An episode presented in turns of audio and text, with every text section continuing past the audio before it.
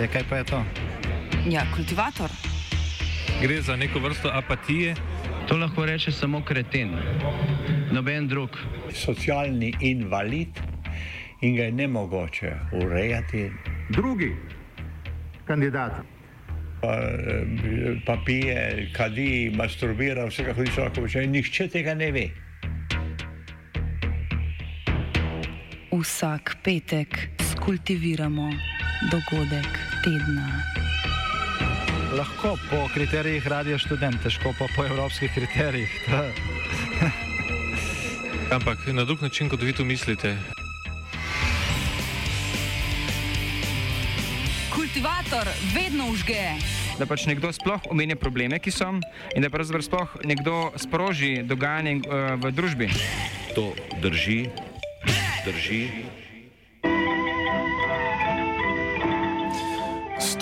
Nogometom po koprivah.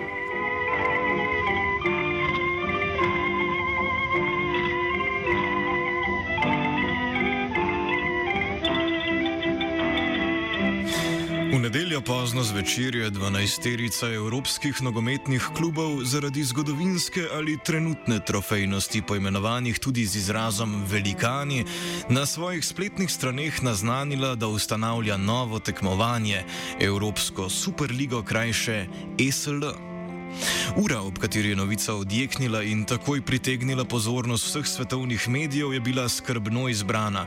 V Združenih državah Amerike se je ravno začenjal dan. Projekt ESL je ciljal oziroma še cilja na ameriški trg, zato je bil tudi format tekmovanja sprva zastavljen pretežno po ameriško.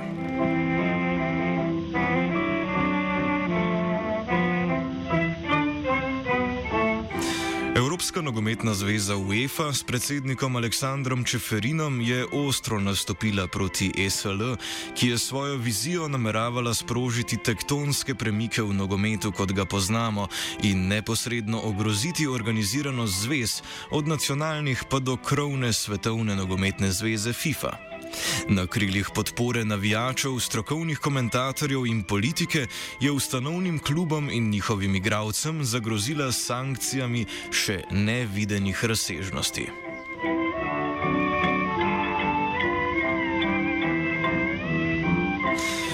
Dobrih 48 ur po najavi ESL je bil projekt klinično mrtev ali pa vsaj na aparatih.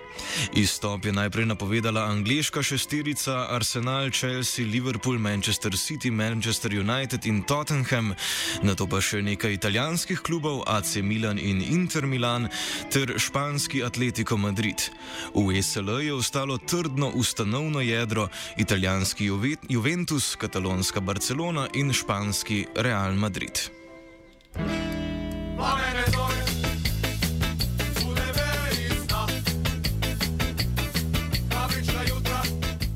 V današnjem suspenzivatorju bomo predstavili pravne, politične in športne vidike ustanovitve Evropske superlige ter poskušali prešteti morebitne žrtve zadnje bitke za nogomet. Ko je v EFI in FIFI postalo jasno, da odpadniški klubi mislijo resno, sta organizaciji napovedali, da boste sprožili postopke za izključitev teh klubov iz evropskih in domačih tekmovanj. Kot razloži Katarina Prijetovič z Univerze Manchester Metropolitan, avtorica knjige EU Sports Law and Breakaway Leagues in Football, imata UEFA in FIFA za upeljavo tovrstnih sankcij pravno podlago. Uh, legally, this is allowed. And legally, UEFA and FIFA would have the upper hand if there were any legal challenges launched against this, as they were in Italy, Spain, and England. The um, uh, regulatory side of it is that also uh, FIFA and UEFA rules are allowing for the clubs that don't receive authorization of the federation to set up a league and they set it up uh, without authorization that they are going to be subject to sanctions. So, in a way, clubs have agreed to being sanctioned under these circumstances by signing up to these rules and by being part of this system. And yes, if there were any legal challenges, as I said, that would be in competition law. And under competition law, the uh, private regulatory authorities such as FIFA, UEFA, and national associations are in charge of regulating the industry of sport and they are in charge of even regulating the markets, which just means that uh, the market commercially is the market for organization of sporting events in football, cross border in this case. So UEFA would have jurisdiction watching over that market. And at the same time, because UEFA is the only operator on that market, they have commercial monopoly in organization of uh, football in Europe.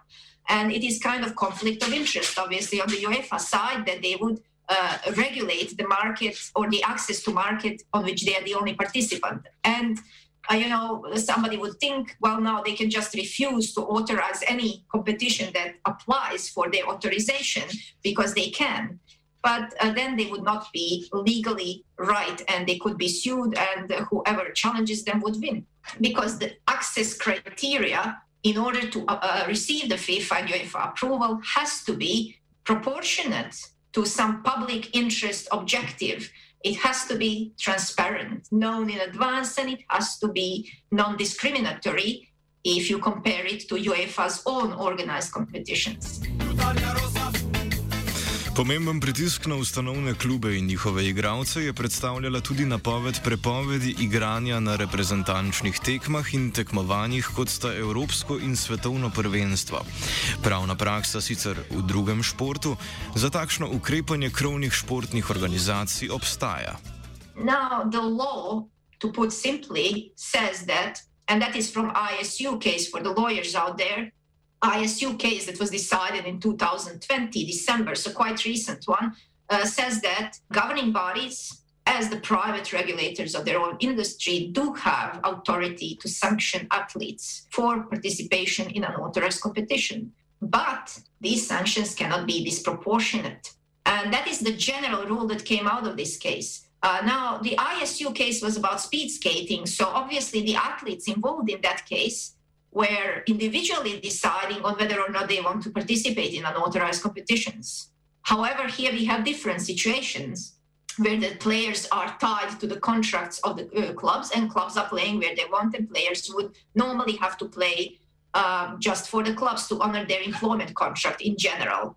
But um, I would uh, have to then um, say that each contract would be different, and in England, uh, there would be perhaps scope to argue that they have breached players' contracts this way, and players could actually say that club had acted uh, in breach of contract. Because there is a, a implied duty of mutual trust and confidence between employer and employee, which perhaps clubs have broken when they have not even consulted players on the move to create this super league and to move the entire club in a completely different setting outside of um, you know anything they have known before.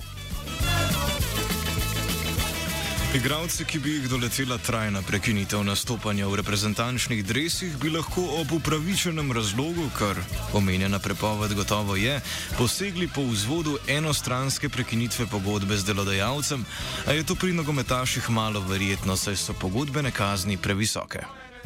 And then there is also Article 14 in the FIFA's own statute. So this isn't now national law, but in FIFA's own statutes, there's Article 14. Uh, it is a regulation on the status and transfer of players that provides that players can breach the contract and walk away on their employer club if there is a just cause. So something that is justifiably giving player right to walk away on the club. And in this case, perhaps this can be interpreted as well to be to constitute such a, a just cause to to uh, give player right to breach the contract, which they are normally not do because football isn't normal industry. I mean, uh, we all can give a small notice to our employer and say we are leaving, and there will be no consequences. But if a footballer does that, then they are facing uh, potentially uh, millions and millions in damages. Kot pojasnjuje Luka Milanovič, strokovnjak za športno pravo, bi ESL najverjetneje delovala kot podjetje, podobno kot je podjetniška pobuda, organizirana v košarkarski Euroligi. Na podoben način je tudi v košarki uh, Euroleague Basketball, je podjetje, ki organizira tekmovanje Euroligo in Eurocup. um, katere lastniki so tam 11 klubov, euroligaških klubov. Zato si tudi predstavljam, da bi bilo v tej Evropski superligi stanje praktično enako. Torej, teh 12 klubov bi ustanovilo po, po družbo, ki bi, ki, bi bila, ki bi bila organizatorka tega tekmovanja, ekipa bi bila, se pravi, bi, bi, bi rekel, na 12 delov razdeljena v lastništvu. Ustanovitev alternativne lige tako sama po sebi ni nezakonita.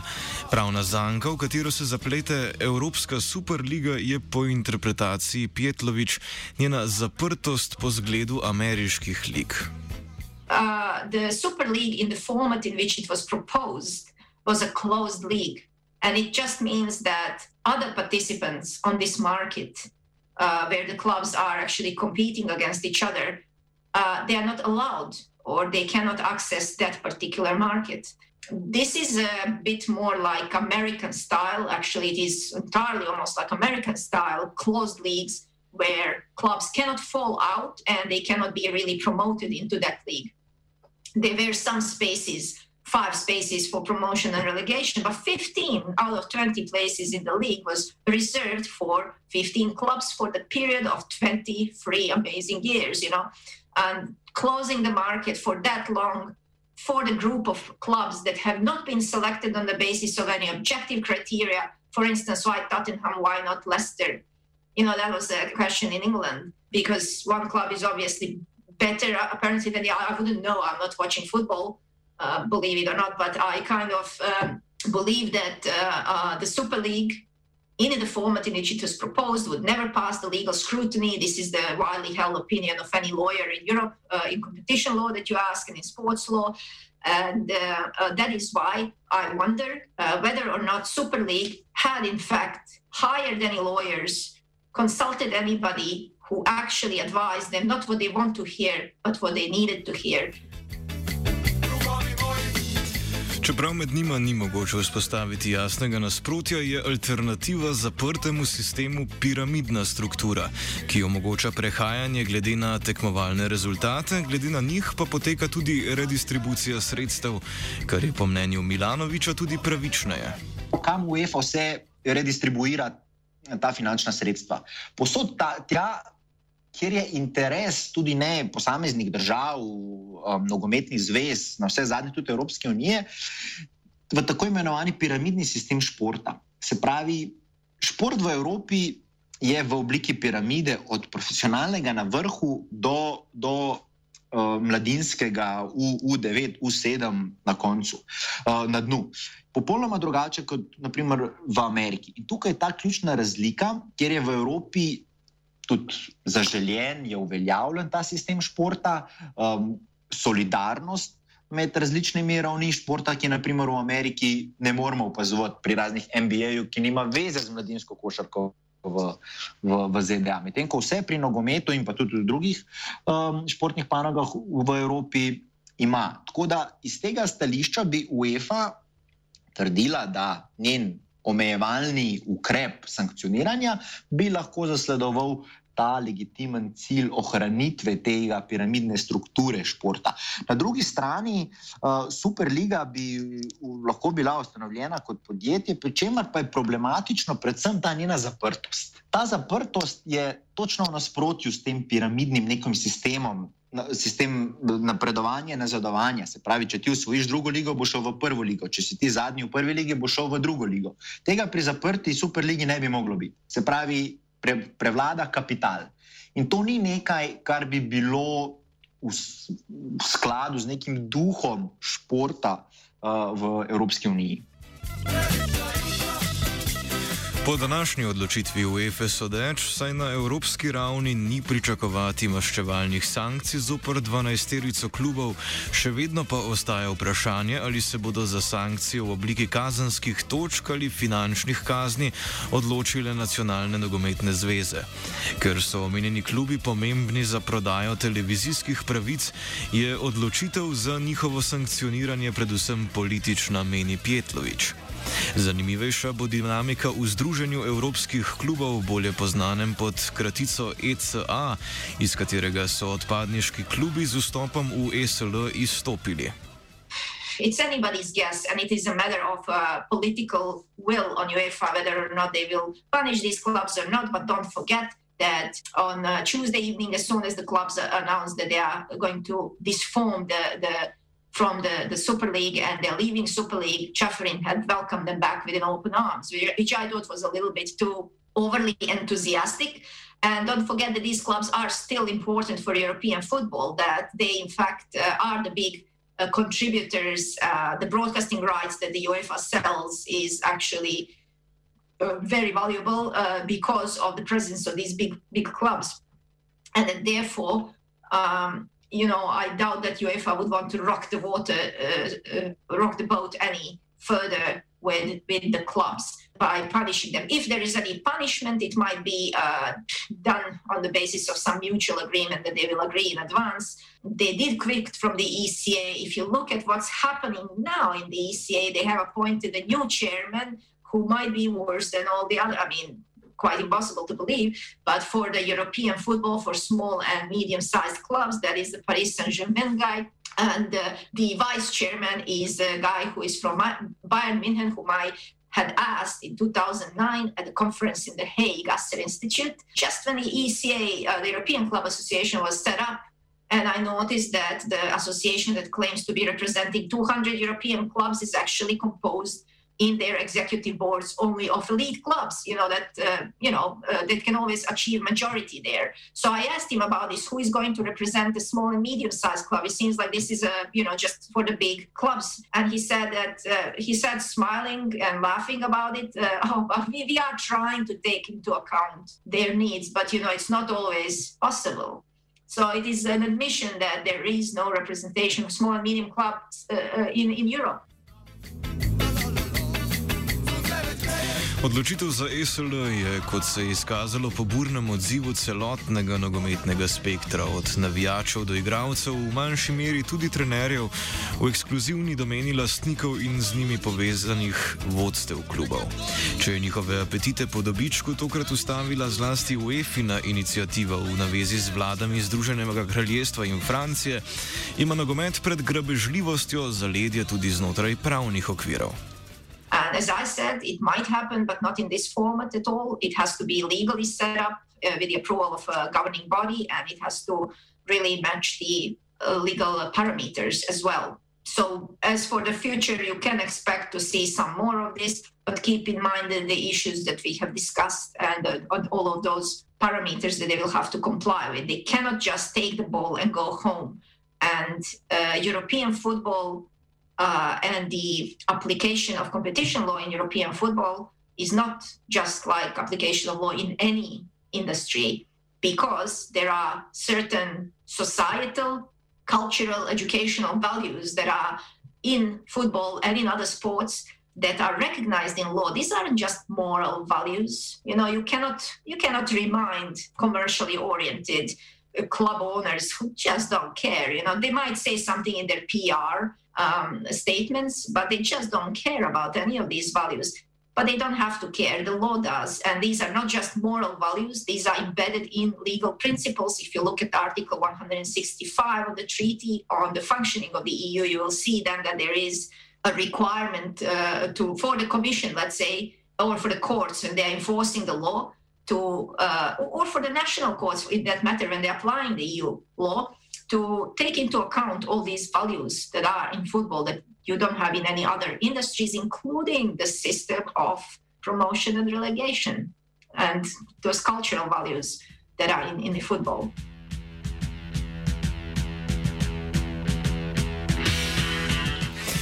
Odločen in hiter odziv UEFA je v javnosti pustil prevladujoč vtis o globokem idejnem razkoraku in sporu med tako imenovanimi superklubi in Evropsko nogometno zvezo, pri čemer je slednja s populističnimi PR-ovskimi nastopi predsednika Aleksandra Čeferira zauzela vlogo zaščitnika majhnih klubov, nogometne egalitarnosti in tradicionalnega futbala. Čeferin je počgan z osebno izdajo Juventusovega bosa Andreja Anjelija razjarjeno prečkal diplomatske okvire, ki bi omogočali nadaljni dialog. Ob tem pa je pozabljal na UEFINO večletno popuščanje Združenju evropskih klubov in njegovima predstavnikoma v izvršnem odboru zveze. To je v preteklih letih privedlo do številnih reform evropskih klubskih tekmovanj, ki so vse bolj pripirala vrata manjšim klubom, predstavnikom petih elitnih nacionalnih lig pa zagotavljala vedno več mest. Zadnja med njimi, reforma lige prvakov, pa je bila ironično predstavljena le dan po zgodovinskem sporu s superklubi. Z aktualnimi spremembami najprestižnejšega evropskega klubskega tekmovanja so bile uslišane praktično vse zahteve največjih, zato debata, po mnenju neodvisnega novinarja Saše Ibrulja, ni usmerjena v resnično reformo evropskega klubskega nogometa, pač pa v povsem napačno smer. Sama činjenica, da so oni v ponedeljak uh, predstavili taj novi sistem, koji je u principu Superliga, samo se ne zove tako, uh, i jedina razlika prava, odnosno ono zbog čega su vjerovatno i pobunili ti veliki klubovi je to što nisu dobili to što su tražili da ti 16 mjesta ili koliko su već tražili bude automatski u, u, u Ligi prvaka svaki put. Uh, to, to je ono što oni nisu dobili, a što su tražili preko toga udruženja klubova evropski iz kojeg su oni kasnije istupili i, i, i u principu sve ostalo su dobili. Dobili su veći, veći, veći komad novca, dobili su veći broj utakmica, dakle broj utakmica je bukvalno udvostručen ili, ili više od toga, sad imamo 200 i nešto utakmica, što je za igrače, mislim, nevjerovatno. I, i došli smo u situaciju da da, da su nas preko noći stavili u to da biramo između UEFA i, i biramo između ovih 15 milijardera, što je, što je sasvim nelogično i nevjerovatno. Uh, ono što, što bi bilo nekako najnormalnije da, da imamo taj neki treći put, da tražimo taj neki treći put i da pokušamo da iz ovoga što se desilo izvadimo pozitivne stvari i da to probamo kanalisati u uh, pravu reformu futbala. Međutim, bojim se da to neće biti, da se to neće desiti upravo zato što, što smo postavljeni u situaciju da biramo između dva loša, pa koje je manje loše, a ispada da je UEFA u ovom trenutku manje loša, iako je jedina prava razlika to što, što imamo tu situaciju uh, sa ispadanjem i sa, sa borbom za ta mjesta u Ligi prvaka kroz nacionalna prvenstva, odnosno ne smanjuje se, ne degradira se uh, značaj nacionalnih prvenstava koliko bi se degradirao kroz Superligu, pogotovo dugoročno gledano. Međutim, uh, V sporu o tem, kateri format je primernejši za Evropo, je v ospredju vprašanje, kdo bo bolje razporejal finančna sredstva. Mnenja o tem, ali bi ESL kot tekmovanje ponujala ustrezne rešitve, so deljena. Predstavniki ESL trdijo, da bo denarja več kot dovolj za vse, tudi za rast nogometa, tudi po drugi strani bi ustanovitev ESL ob sankcijah UEFA močno zamajala nacionalne lige, ker bi se ob izgonu klubov iz nacionalnih tekmovanj zmanjšali prihodki od prodaje televizijskih pravic. Te predstavljajo velik delež vsega dohodka, ki ga lige in v njih sodelujoči klubi ustvarijo. Prvi vidik predstavi predsednik sindikata profesionalnih nogometnih igralcev Slovenije Dejan Stefanovič, drugega pa športni novinar in avtor knjige The Billionaires Club: The Unstoppable Rise of Football Super Rich Owners, James Piotr Montague. Kar je zanimivo pri Superligi je, da je predvidevala dvakratno, da so trikratno povečanje solidarnosti, ki bi ga ta Superliga vse po tistem namenila za, za grassroots programe, se pravi za vzgojo mladih igralcev, klubom, ki v tem tekmovanju ne bi sodelovali. Tako da z tega stališča je mogoče li, eh, ta Superliga, tudi ker, je, ker ne bi zbrala dvakrat več denarja, pokazala, da UEFA verjetno suboptimalno kapitalizira uh, ta evropska tekmovanja. Mislim, da UEFA služi z Ligo Prvako in drugimi ligami 3,2 milijarde in da so že v prvem letu ti super, uh, superligaši obljubili 5 milijard. 5, 5 milijard denarja. Nekdo govori, da bi se porušila uh, piramida financiranja. Nikakor ne. ne. Real Madrid za 300 milijoni proračuna za nakupe ali 600 milijoni uh, proračuna za nakupe stavno uh, pomeni, da z več denarja bo več kupoval in več vračal klubom, ki vzgajajo talente. Tako da tukaj so, tukaj so, tukaj sta dve plati medalje. Noč ni črno in belo, kot se predstavlja v tem trenutku javnosti. Well, I mean, it's bullshit. Of course not. Um, what, what the Super League did, or what would have done, would have been destroyed local leagues, uh, domestic leagues. It would have uh, massively uh, reduced the viability of uh, broadcasting contracts. And it, the, the one, the league that would have lost the most would have been the English Premier League, which has been the most successful uh, European global soccer league because of the way that it has built um, a huge broadcasting kind of empire almost. And without without its big six uh, de- denigrating the league, those contracts would have been worth less, and those you know it would have been financial ruin for the Premier League clubs and all the clubs underneath it. I mean, we can talk about the moral issue there, and also the you know it what it says about snubbing your nose at your at the other play other teams in your league, but it would have been a financial disaster, and it would have it would have all they were talking about were that the crumbs from the top table might have been redistributed another way, but as is clear from you know who was involved and and what they said, they might have said that there would have been more money for solidarity payments, but there wouldn't have been. There you can you, and also why would you trust those people to to make those promises when you know they they've been in the room with the Premier League and UEFA and all the other uh, leagues around Europe uh, whilst they've been secretly negotiating this. So they might have said that, but I don't think anybody really believes that there would have been more money for solidarity payments. Podobno kot se sedaj ustanavlja Superliga, se je v 90-ih letih prejšnjega stoletja ustanovila angliška Premier Liga. Tudi takrat so ustanovitelji mnogo obljubljali, tudi kot pove Montague, so bile ob vse večjih dobičkih, ki jih je nova liga ustvarjala, te obljube pozabljene. Moč upravljanja pa se je s prihodom tujih vlagateljev ustalila v rokah posameznikov, ki niso odgovorni nikomur, še najmanj pa navijačem, ki klube podpirajo. I mean, there was a massive opposition to the start of the Premier League, you know, and many of those warnings were correct. You know, what's going to happen? It's going to be uh, more inequality. Fans are going to be priced out of the game. You know, they, this is the, they, they've been proved right at every step of the way. And because of this, the type of structure that was put in place, the type of policing, the type of stadium management that's taken place in the 1990s to build this gentrified product of the English Premier League, all of all of those fears have been brought to book. I mean, there are great promises from the Premier League that money would be trickling down to, to the lower leagues. That it would, uh, you know, a rising tide lifts all boats is a kind of phrase that you get in England quite a lot.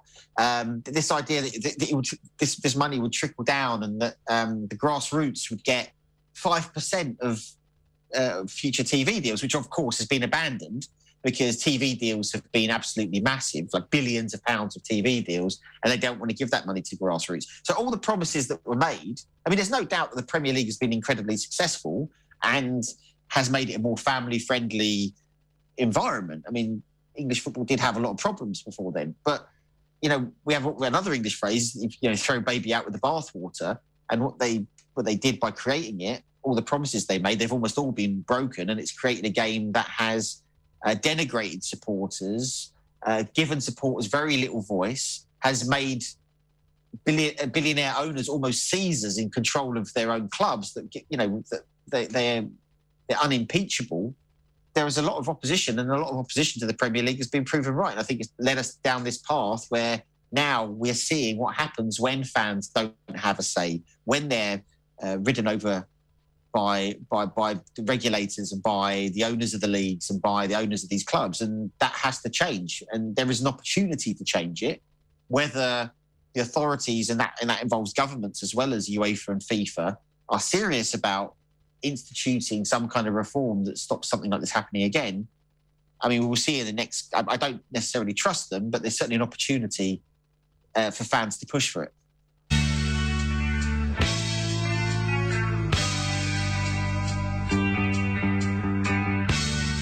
Toda poleg razdeljevanja finančnih sredstev različnim deležnikom je ustanovitev ESL ponovno postavila v ospredje vlogo igralcev ter njihovih pravic in dolžnosti, ki jim jih narekajo sklenjene pogodbe. Kot izpostavi Stefanovič, športne zveze ne bi smele posegati v odnos med klubom, delodajalcem ter igralcem, torej delavcem. Športne zveze ne bi smele imeti pravico odločati v nobenem aspektu delovanja oziroma odnosa med delodajalci in delojemalci. Tukaj se postavlja uh, UEFA in FIFA kot neke vrste uh, arbiter, ne brez katerekoli pravne podlage. Tak uh, režim delovanja v modernem poslovnem svetu nikjer ne bi bil možen. Možen pa je v športu, sploh evropskem športu, v, v Ameriki je vse jasno, brez uh, soglasja uh, športnikov in pa sindikata se nič ne more zgoditi, ne? ker gre dejansko za izkrivljanje konkurence in in pa kartelno združevanje. Ne? Se pravi, bi ta tekmovanja dejansko morala, oziroma vse, kar UEFA in FIFA sprejema, bi moralo biti ob soglasju neposrednih udeležencev na, na igrišču, to se pravi nogometašov oziroma sindikatov. In tega v preteklosti, uh, niti v sedanjosti, niti v prihodnosti očitno še ni za pričakovati. Stefanovič doda, da bi morale vse krovne zveze, tako UEFA in FIFA, kot tudi Mednarodni olimpijski komite, izvesti potrebno reformo, po kateri bi v odločanje v večji meri vključili tudi igralce in njihove zastopnike. Še enkrat je treba povedati, da um, bi UEFA sama sebi in pa tudi FIFA, ne, pa ne govorim samo o UEFA in FIFA, govorim tudi o Mednarodnem olimpijskem komiteju, vse te organizacije, vključno z Slovenskim olimpijskim komitejem, se tukaj se ni treba skrivati, ne, ne dovoljujejo in ne omogočajo neposrednim udeležnikom, špo, deležnikom, športnikom in njihovim predstavnikom, da so odločajo, da so vključeni. Uh, jaz sem bral ene izjave na Twitterju priznanih slovenskih športnih in pa drugih novinarjev, da ne bi bile um, te organizacije neke vrste um, športni, uh, demokratični parlamenti, daleč od resnice. To so kot uh, neki dvori uh, v srednjem veku, uh, kjer uh, dvorjani, uh, podložniki samo prikimavajo carju, car pa dela dejansko, kar hoče. Ne? In ta demokracija, čeprav smo v 21. stoletju, v šport še vedno žal ni prodrla. In prej bo, po, prej bo prodrla, lažje bomo uveljavili interese, skupne interese. Skupni interesi v nogometu so, da vsi dihamo in, in uh, imamo možnost preživeti. Zdaj v tem trenutku izjemno dobro dihajo, oziroma so, če se izrazim, uh, turistično uh, naši vrhovni vladari na Havajih, uh, nogometaši, govorimo o 99% profesionalcev, so pa 100 metrov pod zemljo in kopljajo rudo v rudnikih.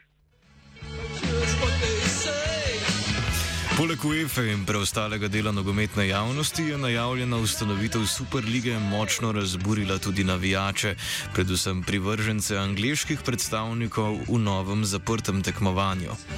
Navijači Liverpoola, Chelsea in obeh manchesterskih klubov so pred domačimi stadioni s transparenti in zborovanji lasnike klubov opozarjali, da je priključitev Evropski superligi izdaja tradicionalnih vrednot kluba.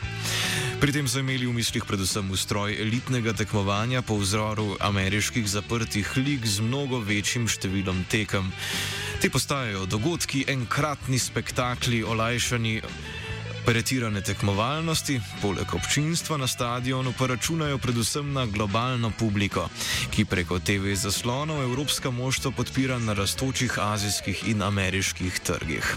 Prav ta segment se po mnenju Ibrulja lastniki evropskih velikanov precenili, po drugi strani pa pozabili na moč in pomen tradicionalne nogometne publike.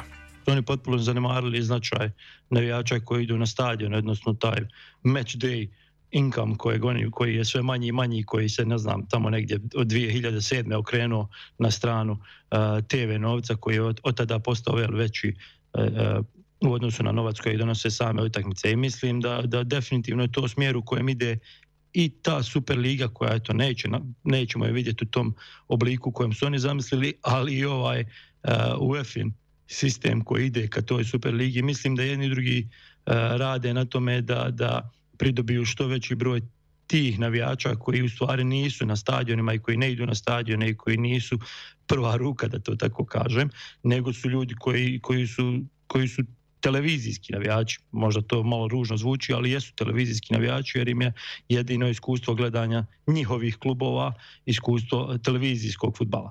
Tako da mislim da je to smjer u kojem definitivno evropski futbal ide, a koliko je to dobro i koliko će im to stvarno donijeti, mislim da ni sami nisu najbolje analizirali tu situaciju i da su precijenili uh, količinu interesa i novca koji može doći iz Azije i Amerike i, i da su podcijenili e, važnost tradicije i, i, i evropske kulture generalno kad je u pitanju futbal. E, nije to tek tako da možeš napraviti NBA ligu i da će ona kroz dvije godine generirati isti novac i, i, i isti interes kao što generira košarkaška NBA liga ili NFL. E, da je to tako moguće, Amerikanci bi to sami uradili, jel, doveli bi sve te Mesije i Neymare i, i uložili milijarde i, i, i taj bi im se novac vratio. Međutim, oni pokušavaju naći neku sredinu, a bojim se da ta sredina samo vodi futbal u, u jednom lošijem smjeru.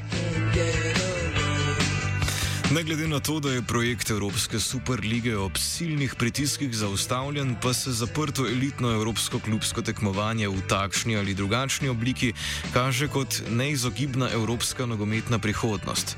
S tem pa se bo še poglobil že davno začeti proces ločevanja klubskega futbala, ki bo sčasoma pretrgal še zadnje vezi med dvema nogometnima svetovama, med elitnim spektaklom najboljših in svetom marginaliziranega tradicionalnega futbala ki bo ob izgubi še zadnjih drobtinic na evropski nogometni mizi prepuščen vse večjemu amaterizmu v nacionalnih okvirih.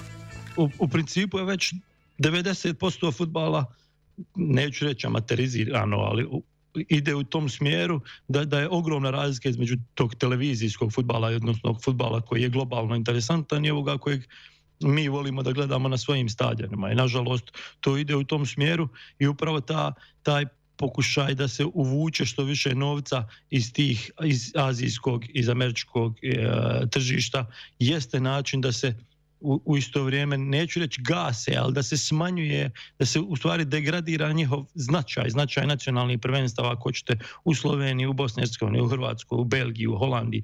U ovom trenutku uh, je situacija nešto bolja zato što imamo taj privid da, da, da UEFA uh, pravi ono što je njena ideja da, da kontroliše futbal u čitavoj Europi na način da, da, da je to zajedničko dobro iz kojeg dolazi koj, u kojem novac dijelimo svi. Međutim, to je samo privid gdje, gdje 80% stvari, da sad, sada ne, ne govorim cifre, ali da ka, ono što mi kažemo u BH odoka, 80% novca ide velikim, dok, dok mi dobivamo mrvice i sitnice i zato futbal izgleda tako kako izgleda, da, da su e, nacionalna prvenstva u recimo većem dijelu Europe manje više potpuno nezanimljiva i potpuno, degradirana i da iz njih opet izlazi tek jedna ili dvije ekipe koje kroz evropska takmičenja uh, zarađuju novac i odvajaju se od vlastite konkurencije i, i stvaraju to nešto što će kroz, ne znam, 5, 10, 15, 20 godina biti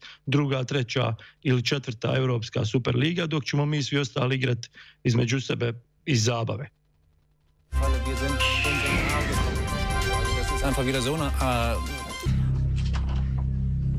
This is Eric Cantona interrupting our transmissions, broadcasting live from the heart of Germany. Mes amis footballeurs, for too long we let liars and cheaters make a fool of a game. Look at this.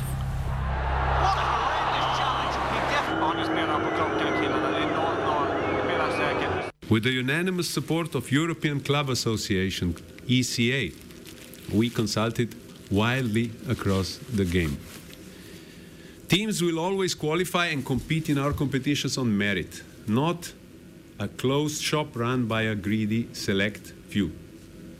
That was our decision from the beginning. Enough!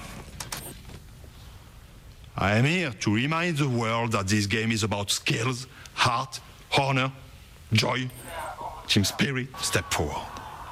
Play beautiful. This is just the beginning. Watch this space.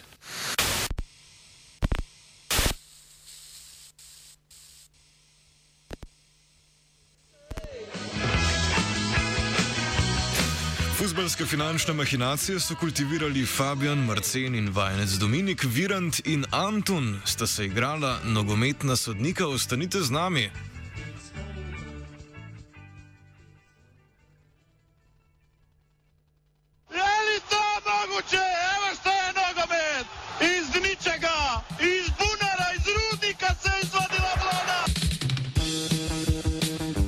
Suspenzor, suspenzorja, moški spol.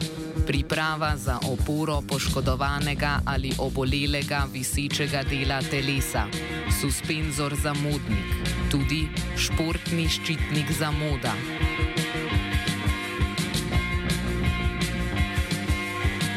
Suspenzor suspenzorja, moški spol, nešportna oddaja o športnem in obšportnem na Radiu Student, tudi nešportni ščitnik vsega športnega. Tako je, hvatajte jih na spavanju, to je rešenje. Če bi sedaj le nekako uh, preračunali povprečen puls gledalcev, bi bil ta okrog 160 ali 170. Za gošt, za uživanje, cijenjeni gledatelji.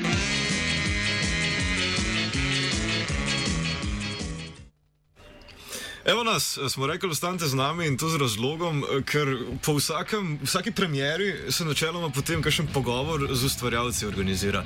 Z, so, z mano so Fabian, Anton, Virant, torej trije izmed četice. Um, Nik prej, da sem razlagal vajencem, da, da na RŠ-u z malim denarjem delamo čudeže. Ok, kakorkoli. Uh, jaz sem bil 14, 4, oziroma 14 dni, uh, 48 ur praktično na trnih. Pač, re, res, je, res je bila ena taka ak, ak, akcijska zadeva. In prva istočnica, ki bi jo dal za pogovor, je kako da fuk. SC na, na to, kar se je zgodilo, na koncu ni bil pripravljen. Jaz sem bil prepričan, ne, in mislim, da tudi nek del javnosti je delil z mano to prepričanje, da Ne, gospodje, ki so se tega spomnili, so pač mogli preigrati dobesedno vsak scenarij, ki se jim lahko zgodi. Ne, jaz sem že videl tisto četico odvetnikov Manchester City, takrat, ko so prišli se braniti glede um, lige prvakov, ki so jih izključili. Ne. Kako to, da ta, ta četica odvetnikov ali pa vseh teh scenarijev, kako to, da je populus zmogel? Kaj tazga? A je res populus zmogel? No, to, je, to, je to vprašanje, če je populus zmogel. Uh, zdi pa se, da niso bili ful pripravljeni, da, da res je izgledalo amatersko vse to skupaj. A se jim je mudil? Uh, ja, tako je izgledalo, kot da se jim ful mudi, čeprav eh, ne vidim razloga, zakaj bi se jim mudilo. Ja, mudilo se mi je, ker je bil PowerPlay v bistvu, ker isti dan je na UEFI bilo glasovanje v ponedeljek o novem formatu uh, lige prvako, ne za 2024 dalje. In v bistvu, ki je že, pač kot je vdaj bilo rečeno, že nekako igral uh, in their favor, pač, da je že za bogatejše klube in pol so oni to sem bo napal v bistvu. Ja, ampak oni so se to zmenili že v petek. Samo oni so se zajebali, ker ta PowerPlay jim ni nobenega powerja prinesel, kvečem pač celotno pozornost javnosti na njih preusmeril Pa si so mogli vedeti, da se bo zadeva obrnila proti njim, da se bo folk zbunil. Fak stari, ne vem če. Ne, kaj so mislili? Ja, ja, mogoče so pa res, kot ste rekli, da je ameriški pa na azijski trg, kaj so mislili, da bo to preglasil.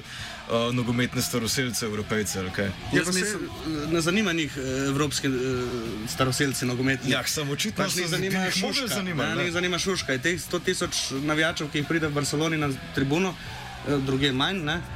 Ne odtehta televizijskih pravic, pa sponzorjev. Ne, okay, ampak tudi mislim, da Populus so pač, mislim, uh, pod ceno v smislu, ne vem, pač vsak ima nek svoj blind spot, če si pač multi-billionaire owner kluba iz ZDA, je tvoj blind spot pač ta nek kapitalizem. Oziroma, misliš pač, ja. Če si Stan Kronke, ja pa se imam ekipo v NBA-ju, NHL-u, NFL-u, NBA-lu, logično, da hočem še to narediti iz uh, mojega nogometnega kluba, ker to je investitorjem všeč. In kar je investitorjem všeč, je dobro za klub.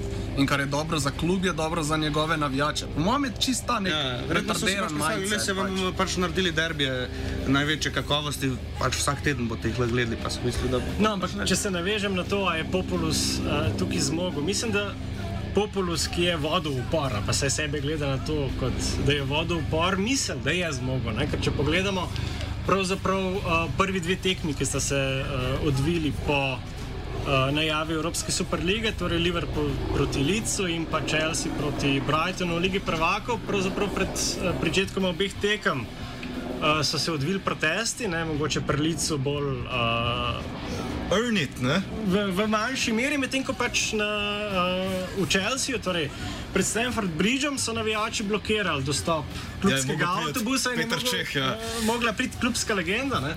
dolgoletni vratar Peter Čeh, jih miriti in priznati porast, tem, ko je pač rekel, uh, počakajte, bomo že urihtali. Pač in... Petra Čeha ki je 2012 branil tok pa tok penalov, ne, bil tok pa tok let prvi vratar Chelsea, ko so bili uspešni, je bil izžvižgan, ko je prišel iz busa. Ne. No in tukaj mogoče samo še to, je iz- vredno izpostaviti en vidik, to se je vse skupaj dogajalo v, v, v COVID časih, no, ko navijači tukaj in tok časa niso uh, smeli iti na uh, igrišče oziroma na stadione. vsako drugo Eh, nedeljo Podpirati svoj klub in kaj se je zgodilo? Uh, pred Stanford Bridgeom je bila ta množica. Pravzaprav uh, enaka, ali pa vibe, ki so ga dajali, je bil enak kot pred začetkom neke pomembne tekme. Ne? In potem, ko so pač uh, nekako BBC oziroma Sky Sports sta objavila, da se Chelsea skupaj z Manchester Cityjem pač umika iz Evropske superlige, ne? to je navdušenje bilo, kot da so dal gol, vem, v finalu Lige prvakov, Točno recimo v tako. Ne. Uh, se strinjam s tabo, omenil bi še to. Ne? Mislim, da je bil Ičo Vidmar, ki je napisal na Facebooku, ne? da, da s to situacijo, ko se je cela zadeva že odvila, je, je rekel, da je folk očitno lahko vzameš čisto vse. Sam fusbala jim pa ne smeš pokvariti. ne. Um, mislim, da se tudi ta malo opozicija med. To sicer seveda nam je štalka spet, ker UEFA ni nič boljša, do tega bomo še prišli. če bomo- Ja, sigurno prijemo še do tega. Da se je ta opozicija med grdimi milijarderji ne, vzpostavila, pa hkrati neki dobri mednarodni instituciji, ki vendarle je zadnji branik, preden pobezljamo na trg. Ne, ne, vem, mogoče se tukaj kaj um, slika. Druga stvar. Um, med 12 klubi, ustanoviteljskimi, ne, je, je bil mandat, vsaj ali je bil to spet PR-ovski spin, ker klej ogromno, ne vemo, ne PR ali ne PR, da ne bi kao ustanoviteljski klubi, torej ta glavni, Perez, torej z Realom, ne, pa Barca z ogromnimi dolgovi, ki se jih je nabrala, pa Woodward z uh, Unitedom, ne, to so tri glavni in da ne bi kao City, pa um, City in pa Chelsea bila porinjena v kot, ne? češ ali pejte z nami, ali boste pa zavedno ostali drugorazredni. Ne? To je, mislim, da že en tak lep. Nek, nekaj, kar so po mojem da znali lansirati noter, ne? da so se razmejili od čista grdih. Ne? Ampak to je prva stvar, druga stvar pa. Zanimiv je, je moment med to, da se PSG, Paris Saint-Germain in pa Bayern nista spustila v to. Zdaj moja špekulacija, ki bi jo z veseljem potrdil ali ovrgel z vami, je torej Bayern, da vendarle nemški futbal imajo navijači ne samo solastništva ponekod, ampak tudi neko besedo v samih um, nadzornih svetih, ali kako se temu reče. Medtem ko PSG je bil pa po mojem, tukaj pujs zaradi tega, ker je vedel, da ta prva stvar, ki bi jo Čeferin naredil, je to, da bi jim vzel svetsko 2022 Katarjo. ne. Eh, Bi, bi se strinjali? Ja, za Bayern je absolutno pač in za njih in za Borussijo Dortmund igra definitivno to, da je ta uh, nemški model futbola 50 plus 1, se pravi, uh, navijači morajo biti uh, lasti 50% plus večinski lastniki. Mm. Tako.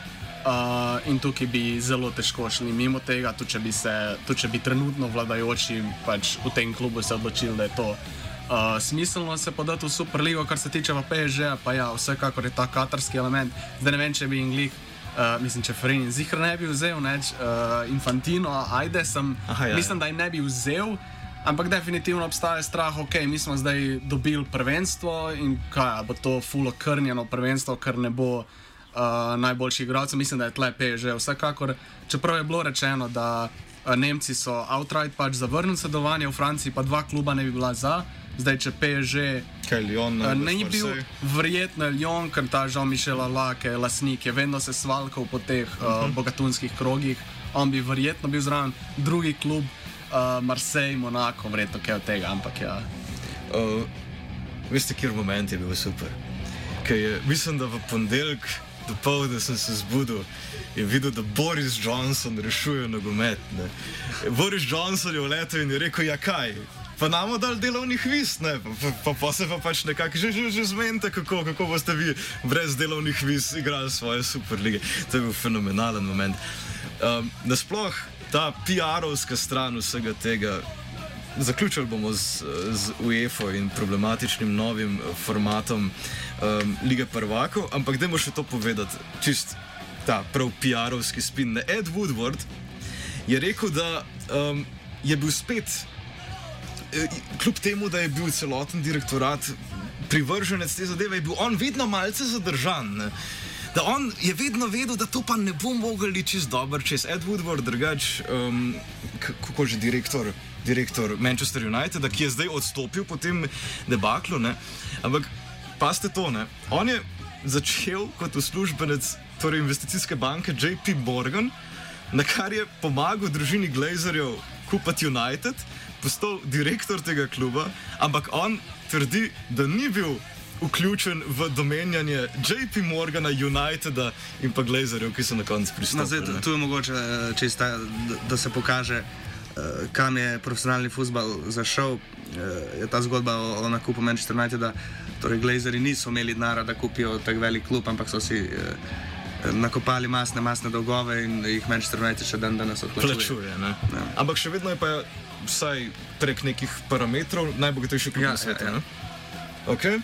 Um, dajmo, dajmo zdaj, zdaj pa resno, še imamo slabih deset minut, da povemo kaj o novem, novem tipu. Um, UEFA lige prvakov, ne, mislim, da ni mogla cela zadeva priti ob, boljši, um, ob boljšem momentu. Zato sem tudi rekel, da ta PowerPlay ni bil PowerPlay, ampak sem se zafrknil s tem, da so pozornost nekako preusmerili na sebe. Uh, UEFA Liga prvakov, če jaz prav razumem, od leta 2024 uvaja sicer še vedno ne zaprte lige, ampak da tudi če bi tisti ta boljši klubi, ki se merijo ta njihova evropski staž s tako imenovanim koeficientom, ne, da naj bi v momentu, ko bi naprimer eden izmed teh najboljših klubov izpadel iz teh mest, jih ga vendarle nekako nazaj noter ušunjali. A kdo ve, čist kako, mislim, torej, da, da ne bi padli rejtingi zaradi tega, ker ne vem, Real Madrida ne bi bilo en let v Ligi prvakov. Um, Mislim, da že obstaja nek, nek outrage, ki se dogaja med ljudmi, ki so tudi zdaj izvedeli za to, da, da so pač izbrali, kot je rekel tudi gospod Vodaj, ne, za manjšega od dveh slabih stvari. Ampak, a, a kdo ve, kaj več o, o tem se skupaj? No? E, ja, sicer ne, ampak na to sem hotel opozoriti, da mogoče pa jim lih ne gre na roko v EFI, um, ta, ta super, superliga, pa njem uh, padec. Uh, Zaradi tega, ker se je javnost zganila in zdaj začela spremljati, kak, je, kak sistem nogometni se izvaja in glih, eh, zdaj mogoče bo večja pozornost na uh, sprejemanju te reforme in se bo mogoče spet ta neka opozicija spostavila do tega, ki se pa mogoče drugače ne bi, ker bi to spet potekalo v nekih pisarnah. Ampak smo sploh sklepčni, da futbol rabi reformo? Da. Ja. V kakšni smeri bi pa, evo, Virant, Anton in uh, Fabian, zdaj ste vi trije Aleksandri Čeferini. Pa recimo, da, da ne gledate samo na dobičke, ampak na način, kako reformirati futbol prid futbola. Kako ga reformirate? Uh, zdaj si ful vprašal. Dal smo se nekaj menili uh, o, o tej plačilni kapici, eh, plačni kapici, uh mhm. -huh. torej da, da bi se omejilo, koliko se sme uh, plačati, ampak se uh, kravateri ponavadi znajo najti obvode. Uh, Uh, en izmed poti je tudi ta nemški sistem 50 plus 1 deleža. Ampak ima ki šanso v neki Angliji? Ja, ne vem, če ima šanso, ampak če se pač. Ja, to je njihov minister of uh, culture and sports. Kaj, kaj da bi prav zakonal zadevo? Je omenil pač to opcijo. Mislim, da je pač 50 plus 1, ker zdaj ne vem.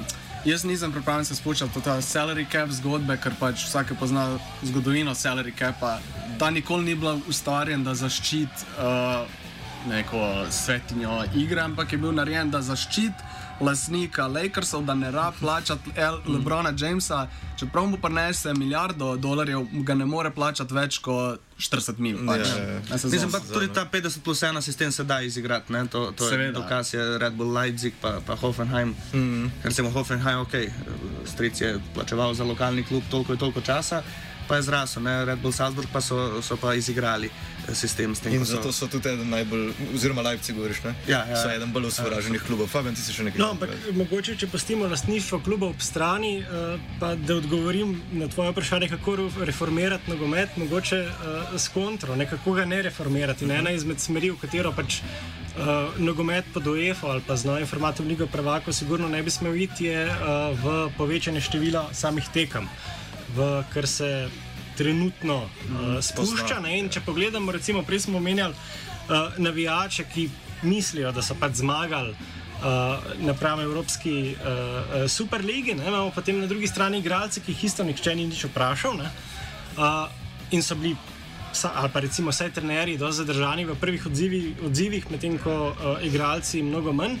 Uh, odzivi v Manchester Cityju, recimo uh, Ilka Gundagana ne, in pa Pepa Guardiola na samo povečanje števila tekem. Ne. Uh, Gundogan je rekel, da izmed uh, obeh predlaganih možnosti, torej Evropske superlige na eni strani in pa reformirane lige prvakov, bi sam zbral trenutno verzijo lige prvakov, uh, ker recimo, da najboljše zaenkrat uh, drži neko zanimanje ali pa sam pač kaj, športni nogometni duh, samo tekmovalnost. Medtem ko Guardiola je na drugi strani izpostavil to, da bi za izvedbo tega formata lige prvakov, kot je pač zdaj uh, predlagan oziroma pač na mizi, potreboval vsaj 400 dni. Da bi se vse te tekme odigrale. Tako da rešitev, po, moji, uh, po mojem prepričanju, je, da se gre pač v manjše število tekem, da so te bolj kvalitetne, ampak vidimo, da na vseh nivojih, torej od uh, evropskih klubskih tekmovanj do reprezentančnih, uh, se gre v to več tekem, več reprezentanc in seveda potem s tem povezano več občinstva, več denarja. In drži, da se ustanavlja še ena liga pod uh, Ligo Evropa? Uh -huh. uh -huh. To je bilo, to je bilo zanimivo. Kar je zanimivo, ja bi šesto ligo rad Evropsko ligo. Ja, ja, ja, ja. ali pa Balkansko. Um, Balkansko od... Ja, sem tu so e, druge etnične, no, to, to, to. ne papirske ja, ja. Uh, problematike. Mogoče še čist zdaj, ko se približujemo koncu našega časa. Uh, ena izmed rešitev uh, nogometa je, je tudi v tem, da se nogometne zveze bojkotira. Uh -huh. Kar je sicer zelo težko izvedljivo, pa recimo na primeru Dinama, ki bojkotira ga navijači že toliko in toliko let. Ni toliko uspešen, recimo pri Manchester Unitedu, pa glih, ko so 2005 Glazeri prišli v klub, se je ustanovil FC United of Manchester, navijaški klub, ki je zdaj že igra ligaške tekme, uh -huh, torej šest, šesti rang. Angliškega nogometa, pa se zabavajo, da zdaj kot na Old Traffordu. No, si, si predstavljam. Ja. Uh, drži, da, da je Tečerjeva takrat nekako tudi pomagala huliganstvu. Ja, ja, Tečerka je vničila nogomet prvi, prvič, po, po njej šele razno razni čeferini, s tem, ko je izgnala navijače iz tribun. Dajmo, dajmo končati tukaj.